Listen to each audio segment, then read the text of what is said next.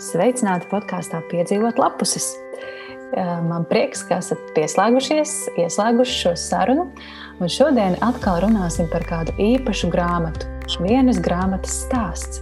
Un par savu īpašo, neparasto grāmatu šoreiz stāstīs kultūras žurnāliste Eva Johansone. Sveika, Eva! Sveiciens visiem klausītājiem, sveiciens tev! Jā, Eva, paldies. Paldies, ka tu piekriti šai sarunai. Es tevi uzrunāju, un tu uzreiz piekriti, pat šķiet neapdomājoties, par ko man liels prieks. Tā tad man gribētos domāt, ka tu ar grāmatām esi tādās tuvās attiecībās. Jā, ļoti, ļoti. Man tiešām pēdējos gados nav sanācis lasīt tik daudz, kā gribētos, bet um, man bērnība bija tāds pilnīgs grāmatu universs, kurā es eh, pavadīju, man šķiet, visu nu, lielāko daļu brīvā laika, gan eh, vasarās, gan brīvlaikos, gan vakaros. Man pat ir pierakstu klāts, kur esmu fiksējis šīs grāmatas. Un es kaut kad rēķināju, ka es vidēji mm, nedēļā divas, trīs grāmatas izlasīju jau 9, 10 gadu vecumā. Tas, gan, protams, bija bērnu grāmatas. Tālāk tās bija bibliotekas, gan Nolēnas biblioteka bērnu, gan arī uh, Latvijas Vēstures biblioteka, kur mēs ar vecmāmiņu gājām. Tas jau beigās bija kļuvis par to, ka ka tas kaut kā tas gājiens ir uz veikalu, tāpat pēc grāmatām. Un tagad, protams, ka ikdiena ir tik ļoti strauja un, un es apzinos to, ka es noteikti lasu pārāk maz. Pēdējā grāmata bija, ko es izlasīju, bija koka uh, gulta ar uh, zelta kāju, kas brīnišķīga grāmata. Bet, Man ļoti patīk tieši daļa literatūra. Pēdējā laikā es nāku vairāk rak lasīt rakstus, gan saistībā ar covid, gan vakcinācijām, gan arī darba saistībām. Mm -hmm. Nu, lieliski, skaists, skaistas bērnības atmiņas izklausās, tev ir bijušas. Kas ir tas spilgtākais, ko tu atceries? Kas tev patika bērnībā? Kādi autori, varbūt grāmata, kāda īpaši spilgta palikusi prātā? Man absolūti mīļākā autora bija Astrīda Lingrēna, un es lasīju viņas grāmatas.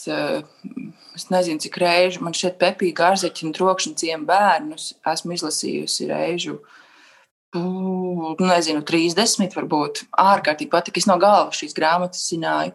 Un es atceros, ka man ļoti patika aiziet uz veikalu, nopirkt, kā tagad atceros, 11 centīmu maksāja lētākais saldējums. Un man parasti 50 centīmi, bija tā kabatas naudas nopirkt saldējumu par 11 centīmiem, pa 37 centīmiem bija kaut kādi čips. Un es ar, šito, ar tiem čipsiem un saldējumu un to grāmatu, tāds, oh, nu, tas bija tāds pilnīgi bauda tajā laikā. Ko trešā, ceturtā klase, tā bija fantastiski. Tā patīk lasīt Astrid Lingrēni. Otrs autors, kas ir atstājis ļoti dziļas tādas nospiedums manī un arī um, varbūt kaut kādā izpratnē, kaut kādā ziņā arī par varbūt, mākslu, ir Oskars Vailds. Viņa, viņa pasakas, tas ļoti spēcīgs un daudz lasījis, joprojām viņas lasa. Šie divi autori man ļoti tuvi ir bērnībā bijuši. Mm -hmm. Jā, nu, katra grāmatmīļa, nu ne katra, bet ļoti daudzi atceras Lingrēnu kā savas bērnības to, to etalonu un šī, šī, šie stāsti par Pepiju, par, arī par Karlsonu. Jā, visam. un zini, kas ir pats jaukākais, ka es no rīta lasīju, ka um, šī autora Melice ir nominēta Lingrēnas balvai ar savu grāmatu Kiosks, un Lingrēnas balva ir nu, tāda, kā teiksim, augstākā balva eh, bērnu literatūrā. Tā kā mm. man liekas, prieks, ka kaut kā arī latvieši ir pietuvojušies Astridē Lingrēnai caur šādu izcilību. Jā, jā, jā, tas tiešām ir eh, lieliski.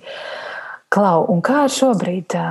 Tev ir kāda grāmata, par ko tu vēlies pastāstīt? Un mēs jau iepriekš vienojāmies, ka mēs neslēpsim, ka šī ir par grāmatu, un, un tu pastāstīsi jau uzreiz. Jo tā ir, nu, es teiktu, ļoti īpaša arī man, manuprāt, es gan to neesmu lasījusi, bet ir, tas ir kaut kas citādāks un kaut kas tā nav vienkārši izklaide. Tā jau ir. Tā jau ir kaut kāda tāda tā kā filozofija, kaut kas tāds tāds dzīvesveids, kaut kāds dzīves redzējums par pasauli, pasaules uztvere šajā grāmatā. Un es ticu, ka tā ir ietekmējusi arī tevi ļoti, ļoti spēcīgi. Stāsti. Jā, es teikšu, ka nav ļoti viegli izvēlēties grāmatu, jo man bija diezgan tāda asa cīņa starp divām, trim grāmatām. Un, un, Es tieši pēc tā, kā tu teici par to dzīvesveidu, izvēlējos varbūt par to, kas iedvesmo mani. Jo tās pārējās grāmatas bija viena bija ārkārtīgi sāpīga un skumja grāmata. Nosaukums Kreja Espas ir par geju pāri, kas man tā ir vienīgā grāmata, kur lasot, es esmu nu, tiešām raudājis un raudājis gan visu nakti, izlasot šo grāmatu. Um, un tad otra grāmata, ko, par ko es biju domājis, bija Lingrēnas grāmata, kāda, jo man šķiet interesanti atcerēties bērnību, bet es tomēr nonācu pie secinājuma, ka visjaukāk būtu parunāt par tādu tiešām iedvesmojošu kvalitatīvu tekstu, kas ir šī Kristiāns Riteres grāmata Sieviete polārajā naktī. Mm. Uh, es viņu lasīju angļu valodā, viņa tā arī saucās A Woman in a Polar Night par, uh, par tā ir biogrāfija, kas man arī ļoti patīk. Tās ir biogrāfijas, jo lasot, tad, eh, protams, ka tu spēj iztēloties, ka tas tiešām ir noticis un kā tas ir noticis. Un eh, ļoti interesants eh, tas brīdis, kad es to grāmatu saņēmu. Man draudzene Dāca Rubene, kura bija viesojusies Svalbārā mm, un kurai ļoti patīk arī ceļot, viņa droši vien līdzīgi kā es redzu savu dzīvi ceļojot, ieteica, dodoties uz Arktiku, izlasīt šo grāmatu. Un, Viņi iedeva to grāmatu papīra, papīra drukā, tā nebija elektroniska grāmata. Un es tiešām to grāmatu lasīju brīdī, kad es pati devos uz Arktiku un biju Arktikā gan uz kuģa. Pilnīgā nekurienē, kur ir te, šī te ainava, kas ir ārkārtīgi jaudīga, tā arktiskā ainava, kas ir savā ziņā ļoti skaista, bet arī ļoti biedējoša un tukša. Un lasot šo grāmatu, es tiešām kā tas, tas, tas tad pilnīgi tad savā, savā ziņā tā, tā grāmatas pulsācija ienāca manī, tās sajūtas viņas, un es tiešām sapratu gan viņas to, to baismu, atrodoties šajā. Tad viņas, viņas laikā tumsā, jo viņi bija polārajā naktī, un es biju polārajā dienā, gan, gan arī saprotot to spēcīgo saikni ar dabu, jo man šķiet, ka man neviens ceļojums nav tik ļoti ietekmējis kā ceļojums uz Arktiku, kurā uh, kurā tas skaistums mijas ar tādu, pati, ar tādu patiesu baismi un, un tādu jautājumu, cik tālu mēs esam aizgājuši no dabas. Jo šķietami man pašai likās, ka esmu ļoti tuvu dabai un ka es ļoti izprotu dabu. Un, ka, ka man tiešām gan pazīstot augus un cēnes, gan daudz pavadot laiku mežā, gan vispār daudz dzīvojot teltī, gan bērnībā, gan laukos, latgalē, kur ar vecmāmiņām tu katru paksīti pazīsti.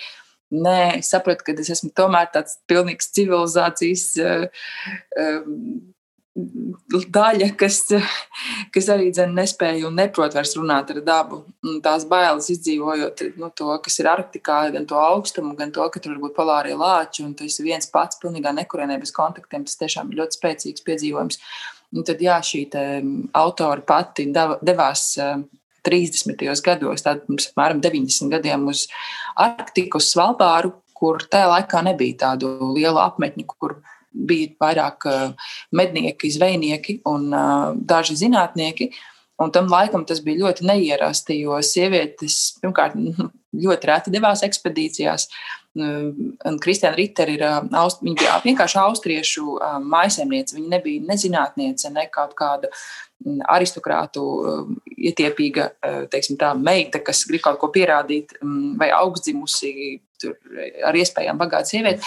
Viņa devās līdzi savam vīram, kurš um, devās tur uh, medīt, un uh, viņa pār, pārnakšņoja polāro nakti, kas ir vairākus mēnešus tumsa, ar um, mīnus 20 līdz mīnus 50 grādiem, pilnīgā nekurienē, vitamīnu trūkumā, esot absolūtā izolācijā no civilizācijas. Uh, baltumā, sniegumā, sniegotā vidē, ļoti mm, bīstamā vidē, Un tajā laikā, protams, nebija visu to apstākļu, kā ar šobrīd, kad ir iespējams paņemt līdzi, kā aizdevos. Tur mums bija ļoti daudz vitamīnu, līdzi dažādi svaigi augļi un dārziņi, ko mēs arī patērējām. Un tās bailes izdzīvot, sākot ar to, ka, ka vīrs neatgriezīsies kādā brīdī no kāda pārgājiena, kur viņš dodas medīt, beidzot ar to, ka kā viņi skaita tur kartupeļu mīzes, cik vai tas tā, viņai nav, nepie, kā viņiem nepietrūks C vitamīns, kā viņi to visu organizē un kādi, cik fiziski smagi ir būt tur. Un, un es tiešām domāju, ka pēc šī grāmata nav populāra. Es par to esmu daudz domājis. Viņa ir gana populāra, bet viņa, tā es domāju, tu viņu neesi lasījusi. Es domāju, lielākā daļa cilvēku, es nosaukšu autoru, viņi nezinātu, lai gan tas ir noticis pirms simts gadiem, tā grāmata ir rakstīta. Tas tiešām ir kaut kā, varbūt tie laiki, eh, to laiku, un pēc tam vēlāk nav bijis populāri runāt par sievieti, kas apraksta dabu, vai sievieti, kas ir dabā, vai sievietes un dabas attiecības. Ir skaidrs, ka sievietes un dabas attiecības vienmēr ir bijis tāds, nu jā, jā sieviete jau tuvāk dabai, sieviete jau ir empātiskāka un tā tālāk, un sieviete jau ar savu to dzemdību procesu un citu procesu vairāk izjūt un pietuvojas dabai. Bet es tieši domāju, ka tas varbūt ir bijis, jā, ka tāds eh, kaut kā, nu, ne gluži tabū, bet varbūt kaut kas tāds ļoti drosmīgs un neierasts, ka sieviete pavada polāro nakti Arktikā. Mm. Jā, tu stāstīji par šo, par šo dabu, kas ir tur, Arktikā. Un, un, un to, kā tu saprati, cik tālu tu esi no dabas. Un es tā mēģināju iedomāties sevi. Nu, labi, es katru dienu eju uz mežu, un tas ir arī viss. Un es dzīvoju savā dzīvoklī, piektajā stāvā. Man liekas, ka es esmu tāda gaisā pakārta, nesazemēta. Un, un īsnībā tā ir varbūt arī tā atbilde. Un, mm, cik, cik ļoti šajā grāmatā uh, parādījās doma, ka nu, daba ir tā, kas mūs atgriež, atgriež pie, pie sapratnes par sevi, pie, pie tādas nu, dzīvības, ne fiziskā veidā, bet varbūt garīgā veidā. Kā, kas bija par, par, par šo teikts grāmatā, vai, vai tu to um, Grāmatā viņi tiešām ļoti aizraujoši apraksta visu to ekspedīciju, kā viņi dodas kuģī un kā viņi par eh, Norvēģijas krastiem kuģojot lēnām attālinās no civilizācijas, kā vēl Tromso viņi tur uh, iziet uz sauszemes un aiziet uz veikaliem un kā viņi uz kuģo tās pēdējās labās siltās maltītes dabū vitamīniem bagātās. Un, uh, un patiesībā arī viss tas process, uh, viņš, tā grāmata, protams, ka tur ir daudz tāda filozofiska un, un pārdomām pilna teksta arī diezgan, bet viņa patiesībā ir ārkārtīgi praktiska. Un tas man arī ļoti patika par to, kā izdzīvot šajā klimatā. Savukārt par to sazināšanos minēju, man ļoti patīk tas, ko tu teici, jo tur viņai ir tas teksts par to, ka, ka tādā ka civilizācija tik prom tālu, viņi tur raksta pirms simts gadiem, ka civilizācija, ka mēs attālinamies no dabas, ko mēs tagad varētu teikt, vai ne, ka, ka mēs neprotam būt klusumā. Jo tā Arktika, viņa var būt absolūti klusa dienās, kad nav vēja, un tur viņa apraksta ļoti jaudīgi tādas ainas, kad ir tāds sasalums un pilnīgs klusums. Un, un, un kaut kur varbūt brīžiem tikai iebrakšķis tas ledus, bet eh, tās varbūt bija tās grūtākās dienas. Eh, un, un tas, protams, man lika daudz aizdomāties, ka mēs vairs neprotam būt klusumā, jo tas gaismas un skaņas piesārņojums un informācijas piesārņojums, kurā mēs šobrīd dzīvojam, protams, ir mežonīgs. Un, Nerunāsim par to, ka, ka tiešām mums, mums ir uh, ielu gaismas, mums ir uh, visādas reklāmas un, un ekrāni, kas nemitīgi mums sniedz gaismu, mēs nepietiekami laiku pavadām tumsā.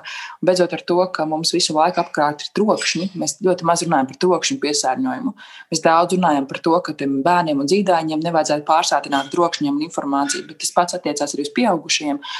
Un es arī bieži vēroju cilvēkus uz ielām un domāju, kā visi tomēr Ja nesa austiņas, klausās mūziku, klausās dažādas podkāstus, tad tāds nemitīgi sevi baro šo informāciju un tikai neļauj sev būt klusumā. Un, un pilsētā jau vispār to klusumu grūti dabūt. Nerunāsim par to, ka ir jau remonti, bet vispār mēs visu laiku dzirdam kādas trokšņas, ja mēs aizveram acis, mēs nemitīgi dzirdam kaut kur kaut kas šķīnd, kaut kur kaut kas runā, kaut kas brauc.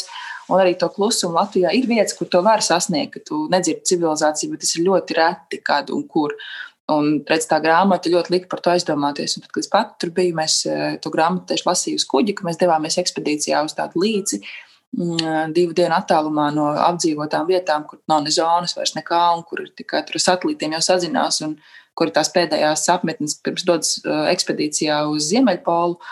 Un tur, protams, tas ritms un, un tas viss, tas mieriņš ļoti spēcīgs ir. Un, piemēram, nokāpjot no kuģa, mēs devāmies uz ledāju 5 km.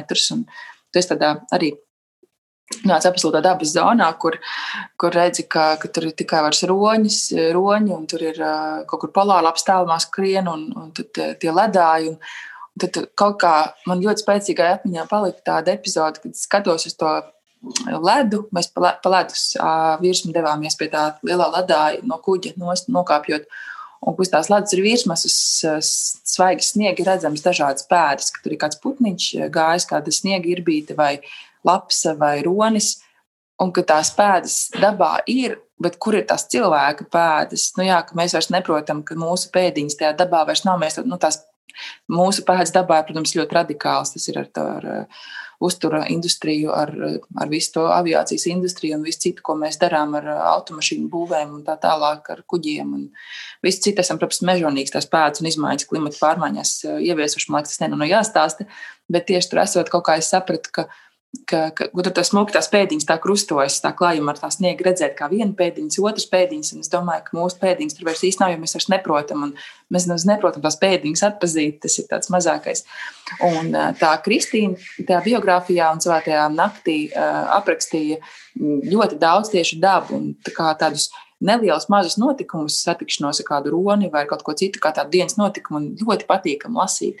Un aizraujoši lasīt par sniega irbītēm. Viņi raksta, kā viņi tie vienīgie putni, kas tad uh, vēl paliek, un viņi tur sniega galās dzīvo.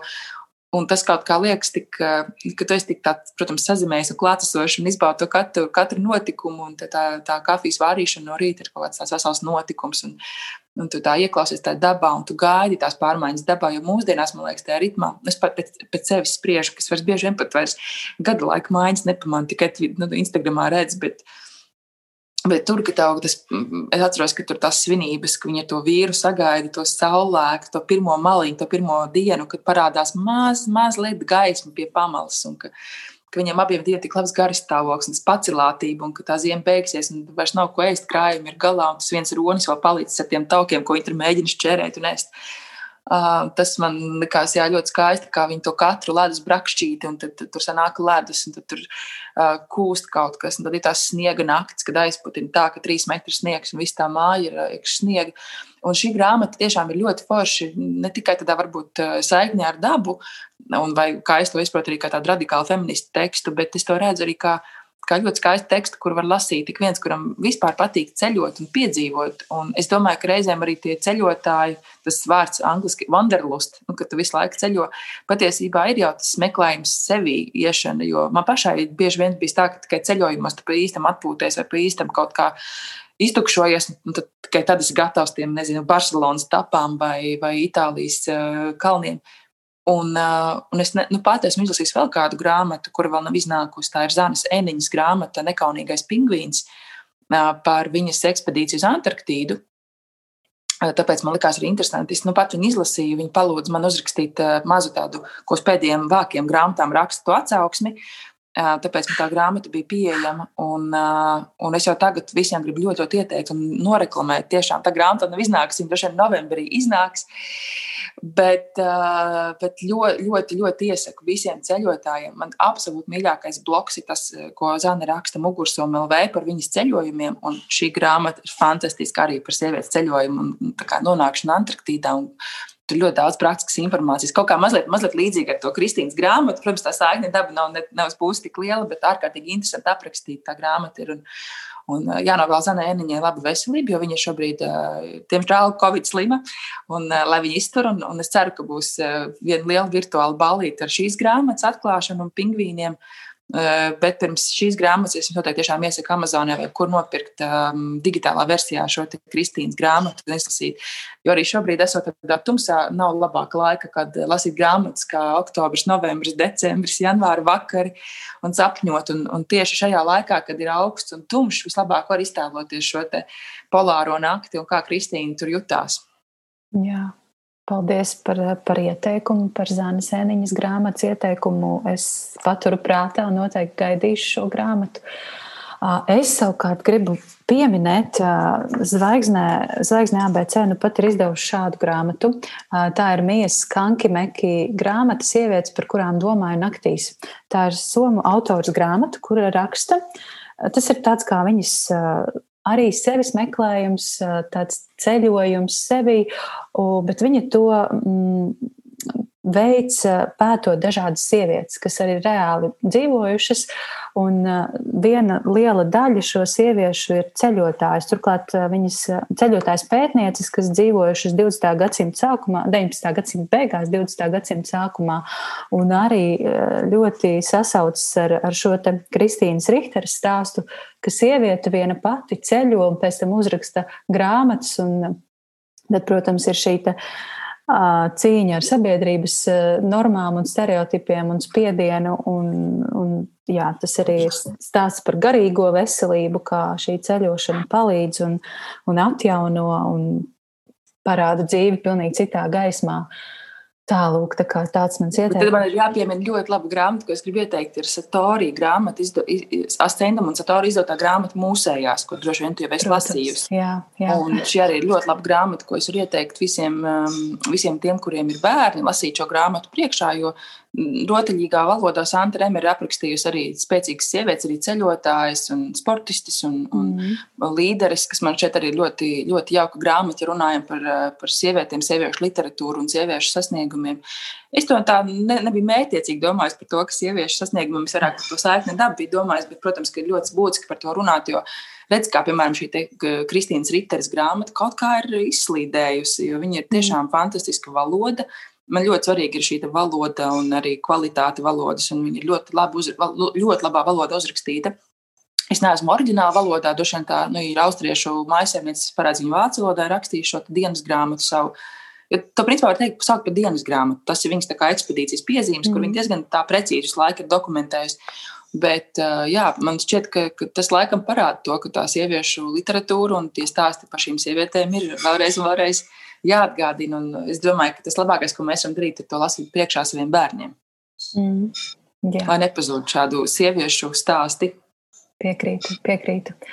Bet uh, atgriežoties vēlreiz pie tās grāmatas uh, un pie tevis pašas, uh, varbūt pastāsti mazliet vēl par tām sajūtām, kas tevī bija lasot šo grāmatu. Tu biji arī uz kuģa vai, vai tu biji kaut kādā citā vietā. Pastāstiet par tiem. Es diezgan ilgu posmu Arktikā. Tas bija trīs nedēļas. Es sāku lasīt lidmašīnu, un es, es, mm. es esmu ātrais lasītājs, un es ļoti ātri lasu. Tad man šķiet, ka kaut kā četrās dienās izlasīju, un tad es arī oh. vīram iedevu izlasīt. Viņš bija līdzās kā, kā, kā interesantu uh, saturu, esot tur uz vietas. Man šķiet, ka daudzi to grāmatu lasa, jo Arktikā tur dodoties šī grāmata ir um, diezgan populāri. Viņa arī ir nopērkama Svalbārā.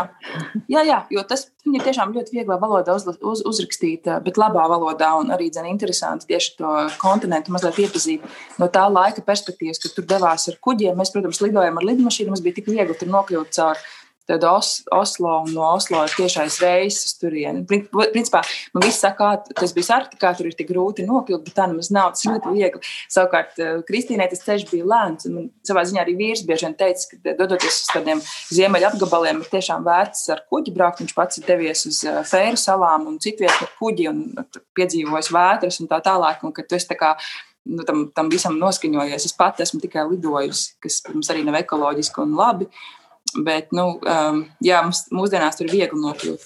Un, un tur arī tur ir šobrīd jau tik ļoti viss attīstīts, kad mēs kravējām tās ceļu somas un gatavojamies ekspedīcijai. Um, galvaspilsēta, tā ir Norvēģijai piedaroša teritorija, un galvaspilsēta ir Longerberga. Tur ir tā, ka Uh, tur ir veikali, kafejnīcas, pats spā un daudz kas cits. Un mēs tās ceļojumus kravājot, kaut kā to it kā sapratām, bet salikām līdzi tik daudz ēdienu, jo likās, ka tur nevarēs nopirkt, un, un nu, protams, būs arī dārgi. Bet kaut gan arī nav tik dārgi, jo tur nav. Um, Tur nav, uh, tur nav tas um, nodoklis jāmaksā pievienotās vērtības nemaldos. Tad citādāk ir nodokļu sistēma. Līdz ar to tas uh, arī tas nebija tik, tik traki un dārgi. Un tur viss civilizācijai tūs ir. Un tur pas, patrodas arī Pasaules sēklu banka, kurā ir uzglabā, uzglabāts dažādas, eh, dažādu augu un kultūru sēklas. Eh, es zinu, divās tās pasaulē laikam bija Irānā, un otra ir jā, Svalbārā. Un Svalbārā laikam vairāk to sēklu. Tur ir, tas ir tādā kalnā ierakts eh, tunelis, kas ir pasargāts no apkārtējās vides, kas ir it kā pilnībā droši, ja kaut kāda katastrofa notiek ekoloģiski, un tad šīs sēklas ir saglabātas noteiktajā temperatūrā, un ja kaut kas, kaut kas no šīm sēklām pazūd uz planētas, tad viņi var atjaunot. Bet nu, tas triks ir tajā, ka mēs tieši bijām 2017. gadā, kad, diemžēl, eh, jā, kūstot ledājiem un sniegiem un daudz kam citam, tā sēkla banka bija aplūdusi. Un, uh, viņi nebija tikuši tā, tie plūdi līdz pašām sēklām, jo tur ir tā pārdomāts, ka tur ir milzīgs, milzīgs tunelis, kas ved uz to sēklu noliktavu, un uh, ka tur ir mīnus grādi, ka jebkurš ūdens var sasālt pa ceļam. Nu, tā kā viņš iegūst šī citu struktūru un nebojā sēklas. Tas arī kaut kādā ziņā ļoti episki un bailīgi bija, jo saprotu, ka ir kā super droša vide, kur mēs glabājam mūsu pasaules visas sēklas. Tur arī latvieši ir veduši, mēs esam arī iesnieguši, man liekas, lasīju bioloģijas fakultātes mājaslapā, ka mēs esam snieguši savu artavu. Un tad liekas, jā, ka tas, tās klimata pārmaiņas notiek tik strauji un ātri, ka to vairs nespēja pat uh, visdrošākā vieta uz pasaules pasargāt. Nu, lūk, tā, un tās, tā, tā, tā Svalbāra ir tiešām arī tāda mm, turistu mērķa, gala mērķis. Un, uh, tur gan nevar tā vienkārši aizbraukt un staigāt apkārt, jo tur ir polārlāči un tā ir uh, vide, kur ir ļoti jāciena daba. Tur ir ļoti stingri noteikumi, jo cilvēks tur ir viesis. Lielākā daļa cilvēku, tur apmēram 2000 iedzīvotāji Longyearbyen ir, un tie, tie ir viesi, tie ir studenti, pētnieki, turisma gidi, mācību spēki, tur atrodas arī fakultāte, kur māca polāru pētniecību. Un, un, tā primārā priekšroka tiek dota dabai, tie ir polārlāči, ja cilvēks tur nav galvenais. Un līdz ar to, tur, ja kaut kur dodas kādā ekspedīcijā uz zālām vai ar slēp, slēpēm vai kā citādāk, Tur jābūt līdz ierocim, uh, lai sevi pasargātu, vai speciāl, speciālistam, gidam, kas tevi ved, kas arī izmaksā diezgan dārgi, vai tad arī kuģi kaut kur dodies. Un, Tur nav tā, ka aizbraucam, var ceļot apkārt, un tur ir daudz bīstamības, tur ir daudz eh, sniega nogurumu un, un daudz kas cits, kas, eh, protams, ir bīstami. Tur dažādas, eh, mēs bijām, liekas, gadā vai gadu pirms tur bija ielūzuši turistu ūdenī, un tad tuvākā tā civilizācijas daļa ir Tromso, kas tad ar lidmašīnu jālido ir pāris stundas, tagad nemaldos, divas vai stundu ātrākajā veidā iespējamā, bet, nu, ka tu esi prom no pilnīgi tādas civilizācijas, kur tev ir slimnīcas, jo tur nav ārsta, tur nedrīkst dzemdēt, tur nedrīkst nomirt, jo tev ir apraka, tur, tur, tur ir termofrosts. Un, jā, un šī grāmata, ko rakstīja Kristīna, man likās tāds simboliski, ka, ka mēs bijām tur un runājām par klimatu pārmaiņām ar polāru pētniekiem, bet principā jau pirms simts gadiem Kristīna sāk runāt par šo čautni, ka mēs esam tik ļoti attālinājušies no šiem dabiskajiem procesiem, no dabas, uh, ka mēs tā kā nejūtam, ka mēs jau esam dabas sastāvdaļa un mums tajā dabā ir jādzīvo, un ka tā daba jau nav. Viņa ir, viņa ir pati par sevi, bet mēs esam daļas sastāvdaļa. Mm. Un tad kaut kā jādomā par to, ka pēc tagad, 90 gadiem tāda mazā grēta, kas par to runā, bet runā jau ļoti skaidri un tieši. Ļoti forši, ka mums ir šādas līderes, kas arī mūsdienās sievietes, kas šo ļoti svarīgo tematu, eh, par šo ļoti svarīgo tematu runā. Un Svalbāra patiesībā ir tāds, jā, pirmā vieta, kur tās eh, klimata pārmaiņas labāk var just, jo tā ir vide, kurā visātrāk eh, tad šie ledāji kūst. Tā ir tāda, savā ziņā tāds izmēģinājuma poligons arī polārpētniekiem. Viņi redz, kā tas notiks visā pārējā planētas daļā. Nu, kā, iedvesmojoši tas nav. Protams, ka, ka gatavojoties un arī braucot un lasot informāciju par šo visu, uh, Un šī Kristīnas grāmata arī bija tik ļoti spēcīga ar to, ka, ka viņa man ieveda varbūt kaut kādā nelielā meditatīvā stāvoklī, kurā es pati ļoti skaidri apzinājos, cik ļoti svarīga šī daba ir. Un, kā jūs teicat, tas nav kaut kas tāds um, iedvesmojošs vai kaut kas patīkams. Tas pat tā nav. Tas ir kaut kas tāds uh, nu, biedējošs. Es atceros, ka mēs devāmies tajā pārgājienā pie ledāja. Man bija jāskatās tālskatī, vai netuvojas kaut kur baltais lācis. Mums bija līdzi arī cilvēks ar ieroci, protams. Uh, Bet um, tās bailes ir tik lielas, jo nevar saprast, vai tie ledus kluči tālumā, vai tas ir guļos šlācis, vai, vai tas ir ledus klucis, kas ir apdzeltējis. Tas, uh, nu, tās bailes ir uh, nu, tā, ka es, man, nu, tā, tāds trauksme tiešām līmenis ir tā, ja no desmit tas ir deviņi. Tā, ļoti, ļoti bailīgi. Tādas bailes nebija piedzīvojis, tādas, tādas kaut kādas eksistenciālas bailes. Uh, Un tad saproti, ka daba var būt ne tikai tavs draugs, bet arī nu, ienaidnieks. Nē, bet daba ir kaut kas, kurā tev jāprot izdzīvot, un ka mēs jau tagad bez tiem visiem uh, palīdzības līdzekļiem nemaz nespētu izdarīt. Mm. Pasargāt vai pazīt, respektīvi, ka es vairs neprotu orientēties dabā, ka es esmu vidē, kur es saprotu, ha, neko neprotu. Mm. Manas maņas ir notrūlinātas. Nu, es, es gan, protams, dzīvoju citā biotopā, es nedzīvoju Arktikā, bet, ja kurā gadījumā manas tās maņas asums nu, noteikti nav attīstīts, viņš ir attīstīts kaut ko pilnīgi citu. Mm. Jā, tas kaut kādā varbūt netik spilgti, bet šo sajūtu es esmu izjutusi arī esot kalnos lielos, kur, kur mēs esam prom no civilizācijas. Un, Un ir skaidrs, ka es esmu tik melna un maziņa, un ka es, es esmu nekas. Un, un es, es vienmēr saku, ka kalnos atklājas īstā dzīve, īstais cilvēks atklājas kalnos. Un iespējams, ka tev šis arktikas piedzīvojums bija līdzīgs, ka tu sevī kaut ko atradi, saprati, apjauti, varbūt bija kāds nepatīkams pārsteigums, jo man kalnos bija arī nepatīkami pārsteigumi par sevi. Jā, tā kā Uh, un es tieši gribēju teikt, droši vien, ka bija diezgan biedējoši lasīt šo grāmatu, tieši esot nu, esot tajā vidē, tuvojoties tajā vidē un lasot, kā, kā tas notiek un noticis un ko autori ir rakstījusi un ko jutusi. Cik bieži vispār tu lasi grāmatu, kas ir nu, tāds nu, fons papildinājums tai vietai, kur tu esi, vai, vai notikumiem tam apkārt? Kā, kā, vai, tā, vai tā bija tāda sakratība nejauša? Jauši, nejauši. Tas bija diezgan nejauši, un es piekritīšu par kalniem. Noteikti es piekrītu, jā, tie kalni ir otra vieta, kur esmu jūtis kaut ko, līd, nu, kaut ko līdzīgu, vai arī kaut kādās nepatīkamākās situācijās, kur tas nokļuvis miglā neizbēgami un netiec lejā un vēl vis kaut kā. Bet par tām citām, protams, ka Lonely Planet ceļveži ir tas, ko es esmu lasījusi. Bet tieši tāda daļa tur ziņā, jā, es esmu lasījusi gan Mannu, esot, piemēram, Davosā vai vai citus autors tieši ceļojot. Eh, jā, man, man vispār ceļojumos patīk lasīt parasti līdzi grāmatas. Un, eh, pēdējā laikā tie vairāk ir Rīgas laiki, kā sanāca tā ar virkni. Mēs paņemam līdzi eh, Rīgas laika čupiņu, jo viņš paspēja izlasīt Rīgas laiku vienmēr visu mēnešu ietvaros pat ļoti ātri. Es to nekad nepaspēju pēdējā laikā, un tad kaut kā sanāca tā tie Rīgas laiki, bet kādreiz pat ņēmu, man bija grūtības ar to, kad, kuras grāmatas paņemt, lai no žēl atstātu, lai no jānēsā līdzi somā. Es mēģināju parasti nu, tā pielāgot mazliet, lasīt tiešām kaut ko no Dantes.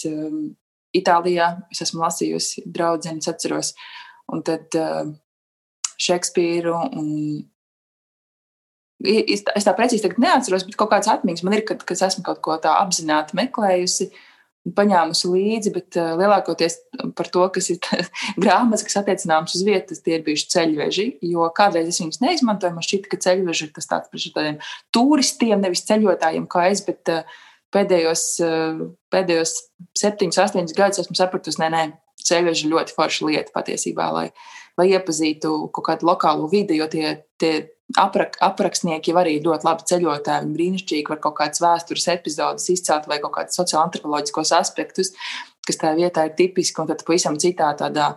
Citām acīm paskaties eh, ne tikai uz eh, kultūras pieminekļiem vai dabas, dabu, bet arī uz eh, to, kā cilvēki komunicē, vai kāpēc viņiem ir kaut kāda noteikta ēdiena, vai kāpēc viņi no kaut kā baidās, vai kāpēc ir kaut kādi tabū vai tēmas, vai kaut kādi um, interesanti apstākļi, kāpēc tu nevari darīt kaut ko vai drīkst darīt kaut ko. Patiesībā Jā, bet līdz tam es esmu izaugusi. Kādreiz man likās, ka ceļveži tas ir tiešām kaut kādiem tur pensionāriem, turistiem, kuriem nav ko darīt.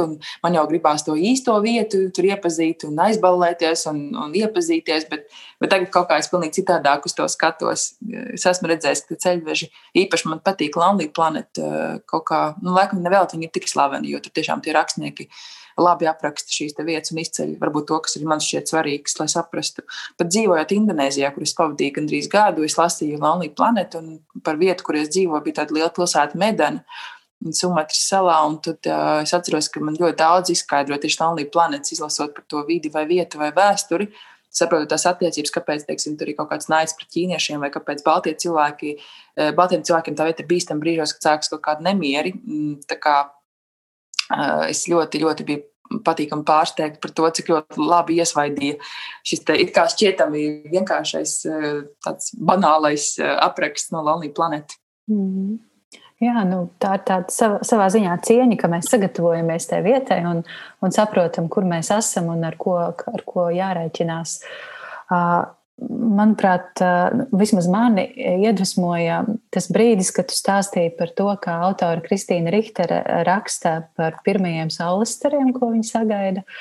Un man šķiet, ka jā, šī grāmata ir manā lasām sarakstā jau ierakstīta, un es noteikti to izlasīšu.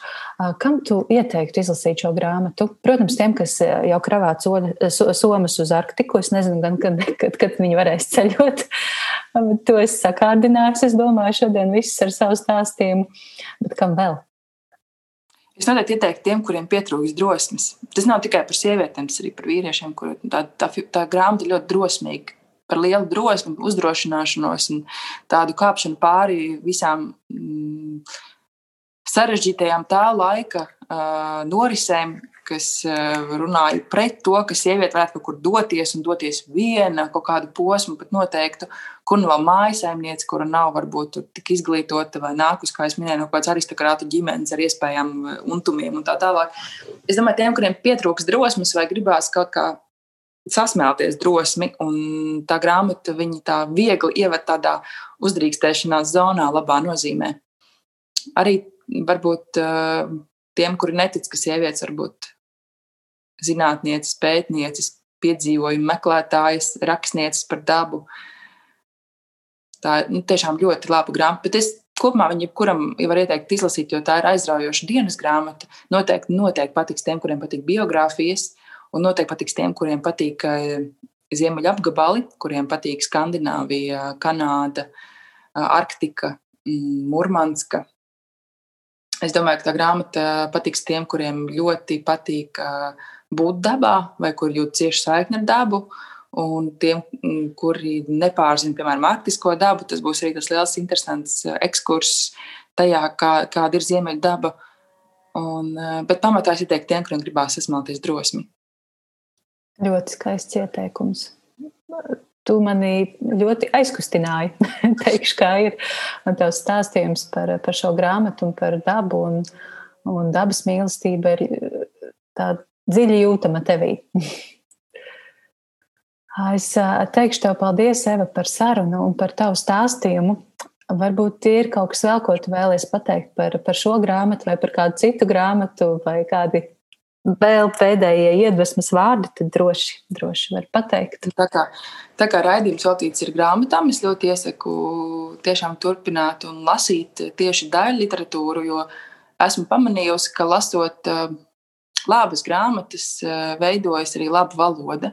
Ne tikai latviešu, bet arī angļu valodā, jo bieži vaicā, kas ir nepieciešams, lai kļūtu par žurnālistu vai kļūtu par uh, ēteru vadītāju, un es noteikti atbildētu, ka tā ir laba valoda.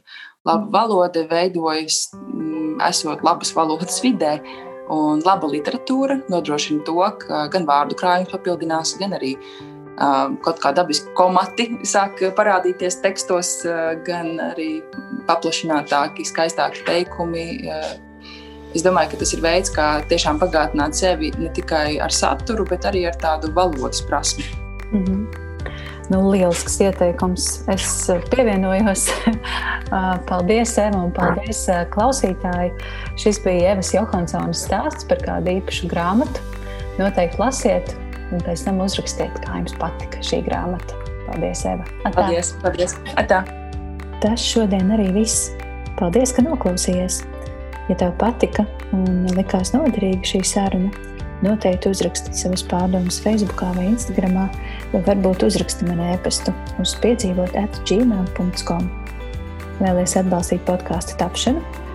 Dodies uz www.patreon.com šķērsvītra piedzīvot un kļūsti par podkāsta mīļāko atbalstītāju, jeb patronu. Paldies un uz tikšanos nākamreiz!